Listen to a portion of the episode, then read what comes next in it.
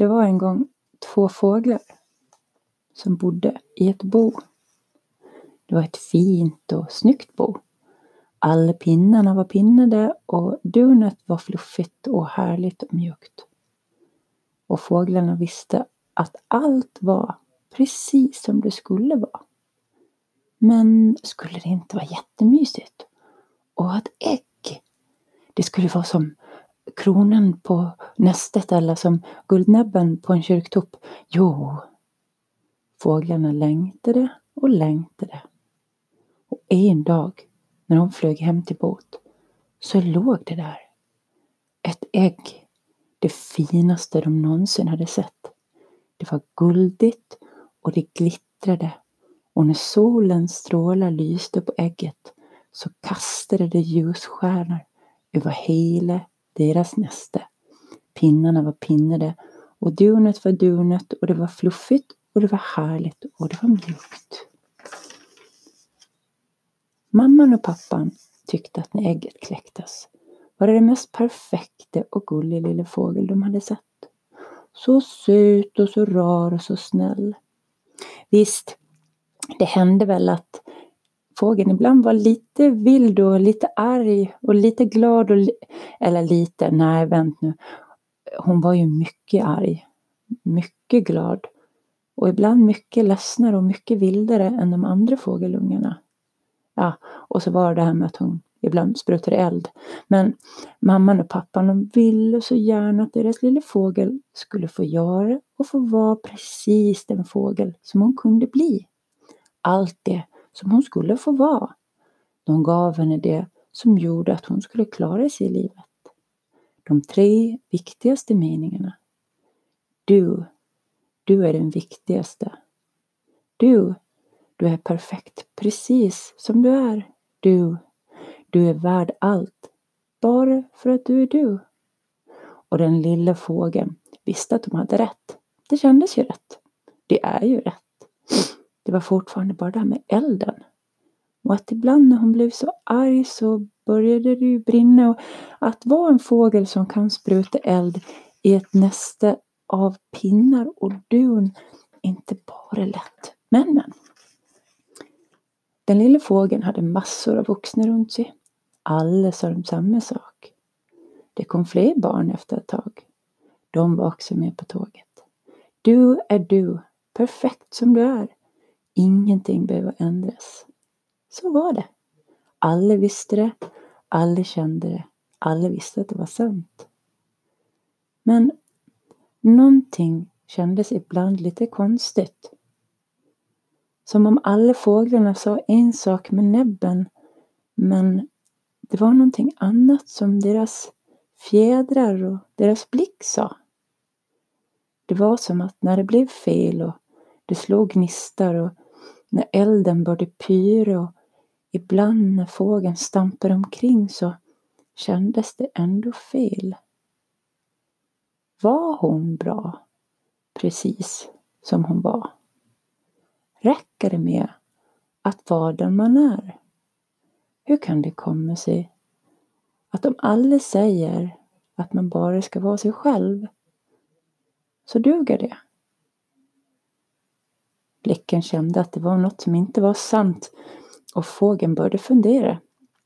Kan man säga en sak med näbben och en helt annan sak med fågelkroppen?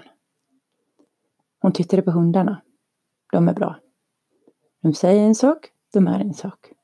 Hon tittade på hästarna när de var ute och flög. Oh, de är bra. Stora, men bra. Hon tittade på barnen som lekte i parken. Fotboll, det är bra. Då verkar de göra det de säger att de ska göra. Men hur är det när de sätter sig ner och äter picknick? Ah, det är något lurigt här och sakta, sakta, sakta började fågeln att förstå. Allting var inte riktigt som det såg ut. För små fåglar, de får låta. Men de får ju inte låta så mycket. Och fågelungar, de får kvittra men de ska inte spruta eld och framförallt får de inte kvittra så länge. Till slut så orkar folk inte lyssna på kvittret längre. Man kan se att de ruggar upp sig och skakar lite på sig och vänder sig bort. Ja, det var dags för den lille, lille fågeln att bli en större fågel. Och som alla fåglar i hela fågelsamhället så var det dags att sätta på sig ryggsäck. Dags att gå iväg till fågelskolan. I fågelskolan måste man sitta still. Man måste räcka upp handen och man får inte lov att prata rakt ut. Man får absolut inte lov att spruta eld. Då blir folk jättearga. Och de stora fåglarna som bestämmer på skolan, de säger att man inte får vara i skolan mer. Bara för att man har råkat spruta lite eld. Det är det som händer när man blir arg. Fågel förstod inte. Man får prata, men man får inte kvittra och prata hur mycket som helst. Och man får räcka upp handen, men man får inte räcka upp handen hela tiden. Och man får... Nej, just det, man får inte spruta eld, det får man aldrig göra. För att and... man får inte spruta eld, för det är farligt. Alla andra fåglarna verkar inte höra allting samtidigt. Deras små hattar och handskar och ryggsäckar verkar inte klia hela tiden. De andra verkar inte tycka att det är så himla svårt om man ska flyga åt höger eller vänster. De andra tycks förstå snabbt hur klockan fungerar. Alltså den där svåra, den, den ni vet, den som snurrar. Hur ska man veta åt vilket håll den kommer att snurra imorgon? Ibland så kan de andra fåglarna sitta stilla jättelänge. Fast det inte är till exempel fågelhistoria. Det, det kan fågeln lyssna på hela dagarna. Och då kan hon sitta och rita med sin fågelhand och tiden försvinner och helt plötsligt då har alla andra gått. Va? Vad hände? Ja, ja. Det där går nog över, säger stora fåglarna. Du duger precis som du är. Glöm inte vad vi har sagt. Det viktigaste är att du vet att du är den du är och bara därför så är du värdefull. Senare i skolan, när fågeln fick lov att styra upp lite andra grejer. Då blev det plötsligt populärt. Hon är stor och stark och de andra vill alltid vara med henne om det till exempel ska fångas mask, springas fort, flyga högt eller kanske leta efter någonting. De andra fåglarna, de vill också lära sig hur man sprutar eld. Men, men det vet fågel att det får man inte göra. Man får inte spruta eld fågel, det bästa hon vet, det är att flyga jättehögt upp och känna när vinden slår mot ansiktet. Eller dyker jätte, jättedjupt ut i det där vattnet som är så farligt, där utanför kanten, eh, där fågelmamman säger att man absolut inte får lov att vara. Hon måste testa om det verkligen är så där farligt att lämna nästet på natten som fågelmamman och fågelpappan säger. Är det här med att spruta eld verkligen så dumt? Men tänk om någon är dum då? Får man spruta eld på dem då? Nej, det får man inte. Och sen fågeln upptäcka att vingarna som ska passa i ryggsäcken, de är för stora. Istället för fjädrar så verkar det komma ut klor. Och hennes näbb det går inte att förneka det längre. Det är en nos. Och all den där masken som hon har satt i sig, nej, det räcker inte längre. Hon måste äta någonting annat. Men vad är det? Hon vet inte. Fågel gör sitt bästa för att vara som de andra fåglarna.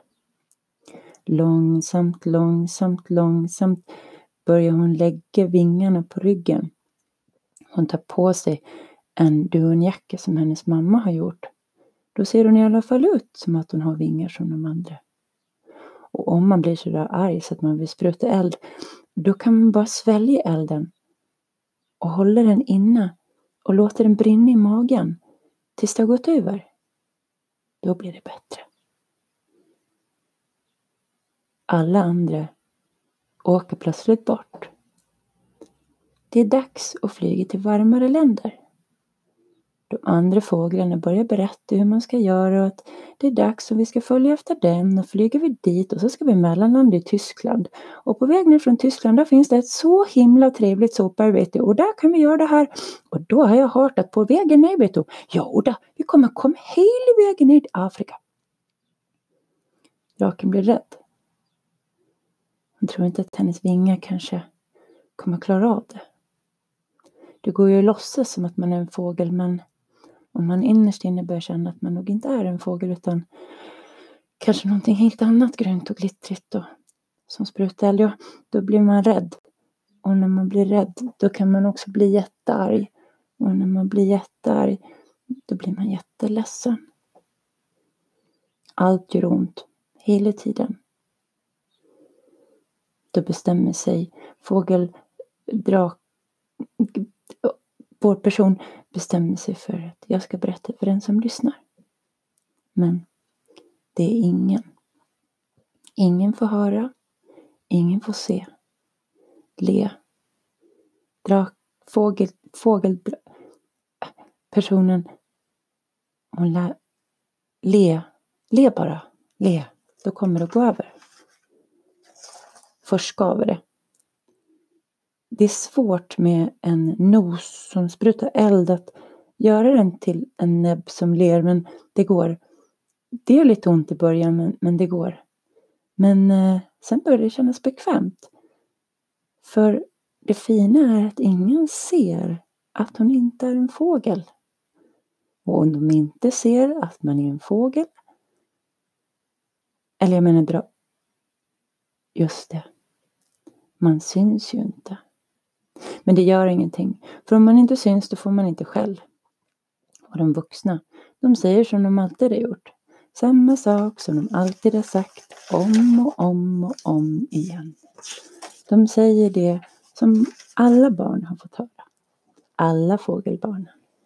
Men nu vet hon att det gäller bara fåglar som är som fåglar. Det gäller bara fåglar som ser ut som fåglar. Det gäller bara fåglar som uppför sig som fåglar. Men om man inte är en fågel då? Vad gör man då? Då får man väl helt enkelt visa vem man är. Ta av sig masken. Den som först skavde och gjorde ont, men som sen blev bekväm. Men det gör ont att bända loss den. Den har suttit så länge. Det skaver och gör jätteont. Det är bäst att hon går till doktorn. Kanske kan doktorn plocka bort den. Doktorn kan inte hjälpa vår fågel. Masken sitter för hårt. Den bränner. Den bränner som eld. Och plötsligt så inser fågel vad det är hon kan göra. Hon släpper ut all sin eld. Den stora, den brinnande, den förtärande, den mäktiga. Och hon andas ut på masken som faller till golvet i tusen bitar. Den stelnade masken som blivit till glas går sönder och skärvorna sprider sig över hennes tassar. Hon tittar ner. En vacker tass med fyra långa klor. Ett skimrande guldgrönt skinn som kastar soldans över hela nästet. Vår drake rullar ihop sig i boet och lägger svansen över sin rygg. Och hon kuttrar för sig själv. Det är okej. Okay. Det är okej. Okay. Vet du varför? För alla drakar